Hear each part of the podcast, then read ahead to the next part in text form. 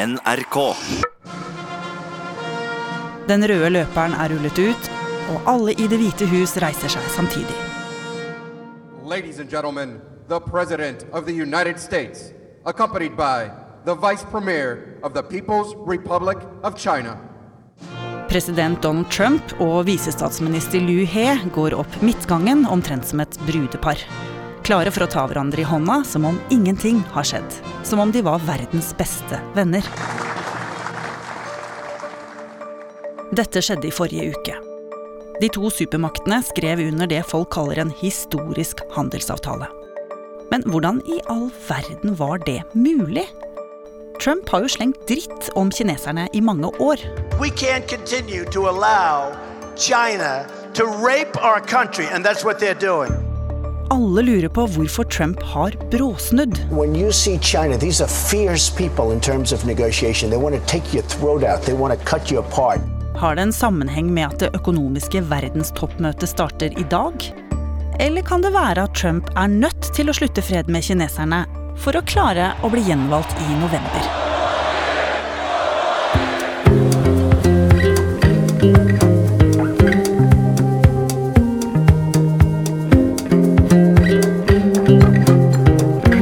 Hører på Oppdatert. Jeg heter Ragna Nordenborg. Donald Trump har hatt presidentambisjoner egentlig siden tidlig 2000-tallet, og han har alltid da kjefta og smelt om hvordan Kina ødelegger og voldtar, faktisk, amerikansk økonomi, og hvordan det er mulig for en sterkere mann å få bedre avtaler. Gjermund Stenberg Eriksen er serieskaper og står bak podkasten Trump mot verden her i NRK. Altså det han kjefter mest om under valgkampen, etter det med innvandring og eh, muren ved Mexico, så maser han om Kina eh, utallige ganger, eh, og i en språkdrakt som vi ikke har sett maken til fra noen presidentkandidat. When the Chinese come in and they want to make great trade deals, and they make the best trade deals, and not anymore. When I'm there, we turn it around, folks. We turn it around. Men Trump er ikke den eneste som har vært irritert. Også Obama hadde et trøblete handelsforhold til Kina, akkurat som vi i Europa. Problemet er at Kina rapper teknologi fra vest, og kinesiske fabrikker får pengestøtte av staten, sånn at varer kan pushes ut i markedet mye billigere enn andre land i verden klarer. Dette skaper trøbbel for amerikansk industri som blir utkonkurrert på pris, og dermed også for amerikanske arbeidsplasser. Dette vet Trump. Så det Trump gjør, er å bruke det vanskelige forholdet til Kina for alt det er verdt. Under valgkampen i 2016 lover han, som kjent, å gjøre America great again. Og en av måtene å få til det på, er å sette en stopper for Kinas provoserende metoder. Og det sier han for å få med seg en bestemt type velgere. Han vil spille på de som kjenner på den økonomiske frustrasjonen etter finanskrisen, eh, og særlig da i Midtvesten, hvor det er industriarbeidere som har sett arbeidsplasser bli flytta til Kina. Altså produktene som biler, teknologi, hvitevarer, det er flytta til Kina, og bønder som syns at de ikke får ordentlig penger for eh, de varene som de selger. Og det er da i helt sentrale vippestater som Donald er avhengig av hvis han skal vinne valget. Vippestater, hva er det? Det er stater som ikke enten er rød eller blå, det vil si som ikke er avklart om enten kommer til å ende i den republikanske eller den demokratiske folden. Og der har det vært slik at i rustbeltet så er det et blått belte som har stått siden Clinton har vunnet. Eh, Altså demokratene. Demokratene har vunnet. Og det er eh, Wisconsin, Pennsylvania og Minnesota særlig, men også Ohio er alltid avgjørende i amerikanske valg. Og planen fungerer. Donald Trump vinner vippestatene og flytter inn i Det hvite hus på løftet om å gjøre ord til handling og være tøff mot kineserne. Men det går veldig lang tid før han gjør noe. Men det skjer ikke noe konkret i praksis. Nei, Så han tvitrer og tvitrer og tvitrer og snakker på radio og TV. Skaper nyheter og overskrifter, eh, og sørger for at han er den sterke mannen i ord. Og hvor lang tid går det før noe egentlig skjer? Altså noe konkret, noe politisk? Ja, det skjer i mars 2018. After days of confusion, today President Trump made his new tariff plan official, flanked by steel and aluminum workers. He says the plan will help. A strong steel and aluminum industry are vital to our national security. Absolutely vital. Steel is steel. You don't have steel, you don't have a country. Det Trump gjør i mars 2018, er å sjokkere en hel verden av økonomer, finansministre og resten eh, ved å innføre straffetoll på stål og aluminium. Og bare sånn at vi skjønner det, hva er straffetoll?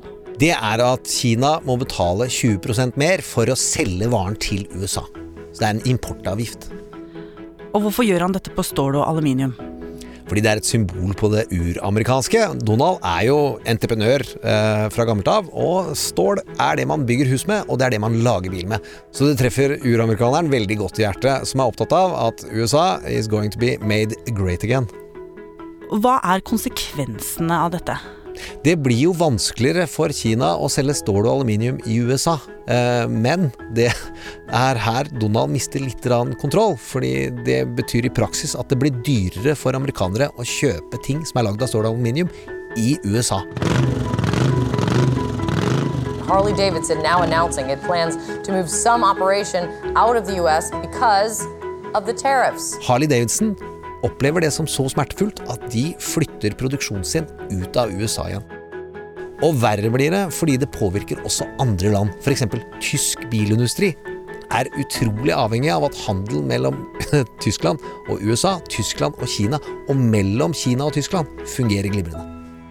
Så det du sier nå, Gjermund, det er at Trump vil ramme Kina, men det rammer egentlig hans egne folk, amerikanere, og mange andre. Ja, Global handel er utrolig sammensatt. Og der Donald har gått inn i en glassbutikk og svinger med en slegge, så tar Kina igjen med kirurgisk presisjon. De kommer med skalpell. The trade war is on. Today, China retaliated against the U.S. by announcing plans to slap tariffs on $60 billion of U.S. goods. Det, det kineserne gjør, er å innføre straffetoll på soya og svinekjøtt, og det er et utrolig utspekulert motangrep. Hvorfor det? Fordi landbruksvarene de produseres i vippestatene som Donald er avhengig av for å vinne gjenvalg. Kina har med andre ord ganske god peiling på amerikansk politikk og valgkamp. De vet at Trump er avhengig av å vinne i vippestatene, og har derfor bevisst sluttet å kjøpe varer av bøndene der. Dette skjer midt på sommeren i 2018. Og dermed har verden fått en stor handelskrig, der USA og Kina forsøker å ødelegge hverandres økonomi med mange forskjellige tiltak. New tariffs announced by the Trump administration on $50 billion worth of Chinese exports. China is now punching back with an equal amount of tariffs on American exports. Og handelskrigen rammer hele verden. Hvordan har Trump det på hjemmebane i denne perioden, Gjermund? Det strammer seg til, f.eks. i Wisconsin og Ohio, hvor mange lever av eksport av soya og svinekjøtt. Eh, så mister de avtalene med Kina, og Donald må kompensere med subsidier eh, for at de skal holdes fornøyd. Det gjelder også industriarbeidere som merker eh, denne handelskrigen. Men kjernevelgerne hans biter tenna sammen. It sucks that I'm losing money, but I'd just soon be me losing the money than the whole United States for years on end. Men så, i forrige uke så ser vi altså at Trump har signert en handelsavtale med erkefienden. Krigen er over. Trump har snudd 180 grader, helt sånn plutselig. Gjermund, hva i all dager er det som har skjedd? For å forstå det, så må vi tilbake til sommeren 2019, hvor det kommer flere økonomiske indikatorer eh, som tyder på at økonomien i USA ikke nødvendigvis kommer til å gå så bra i 2020. For eksempel, når det gjelder julegavehandelen, så kom det signaler om at den kom til å bli dyrere i 2019, og da former det folks syn på sin egen økonomi. Og er den negativ, så er det, vel, over for Donald. Ja, for da betyr det at det blir vanskeligere for Donald Trump å vinne presidentvalget i 2020? Ja, jeg tror det er det eneste alle i verden er enige om, er at Donald ikke kan vinne valget dersom amerikansk økonomi er dårlig i november 2020. Derfor signerer han avtalen nå med Kina. We greatly appreciate your joining us at this White House uh, event. This is a very important and remarkable occasion. Today, we signed phase one of the historic trade deal between the United States and China. I denne avtalen forplikter Kina seg til å kjøpe bl.a. jordbruksprodukter fra USA for hele 200 milliarder dollar. Mens USA på sin side lover å senke tollsatsene på en rekke varer fra Kina. Det de har blitt enige om i denne avtalen, det er jo egentlig bare en dråpe i havet. Cecilie Langum Becker er økonomikommentator i NRK. Altså, Det er jo bra eh, at denne avtalen er på plass. Det er første gangen disse to landene formaliserer noe. Men det løser jo ikke grunnlaget for handelskrigen. Eh, de virkelig vanskelige tingene. Denne avtalen endrer f.eks. ingen lover i Kina. Og det løser ikke et av hovedproblemene, nemlig at Kina subsidierer, altså gir penger til eller gir gratis tomter til f.eks. offentlige kinesiske selskaper. Hvorfor undertegner Trump denne avtalen da? Altså Én ting er jo valgkampen eh, og presidentvalget til høsten, men timingen her er neppe helt tilfeldig. For denne uken eh, så skjer det noe stort. Det er nemlig World Economic Forum i Davos. Og der samles eh, verdenseliten, topplederne i, i alle land.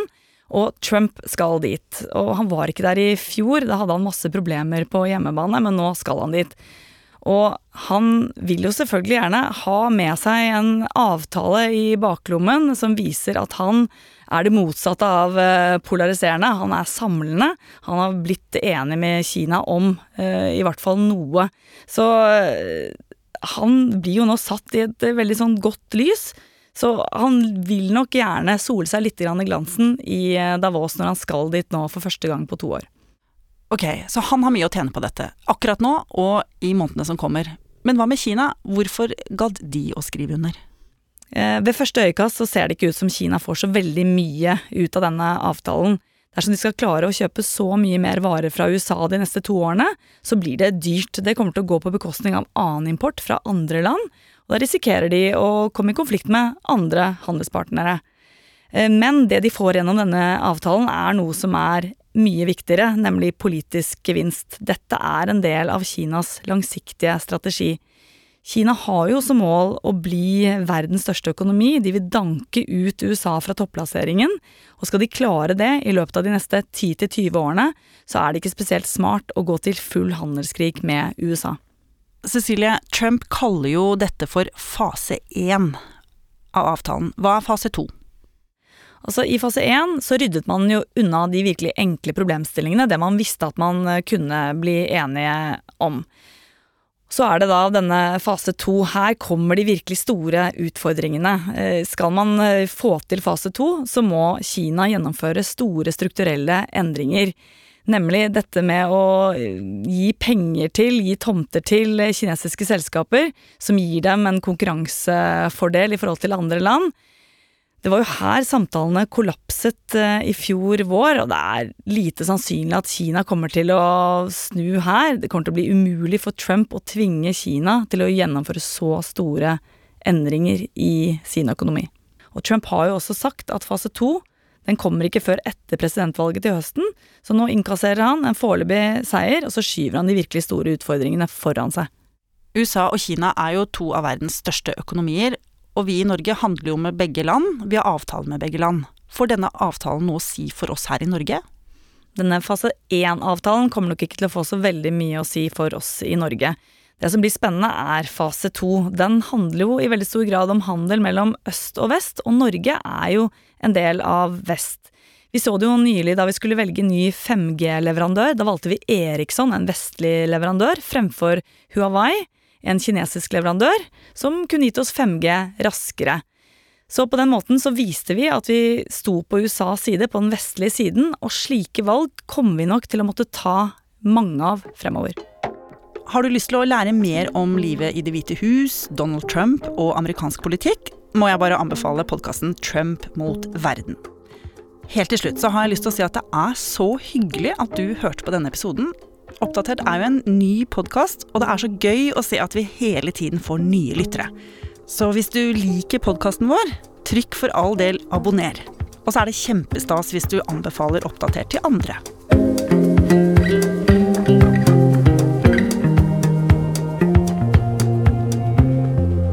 Oppdatert lages av Katrine Nybø, Jaran Ree Mikkelsen, Stian Kallekleiv, Natasha Arthur Ida Tune Øretsland, Petter Sommer og meg, Ragna Nordenborg. Vil du kontakte oss, gjør det på oppdatert krøllalfa nrk.no.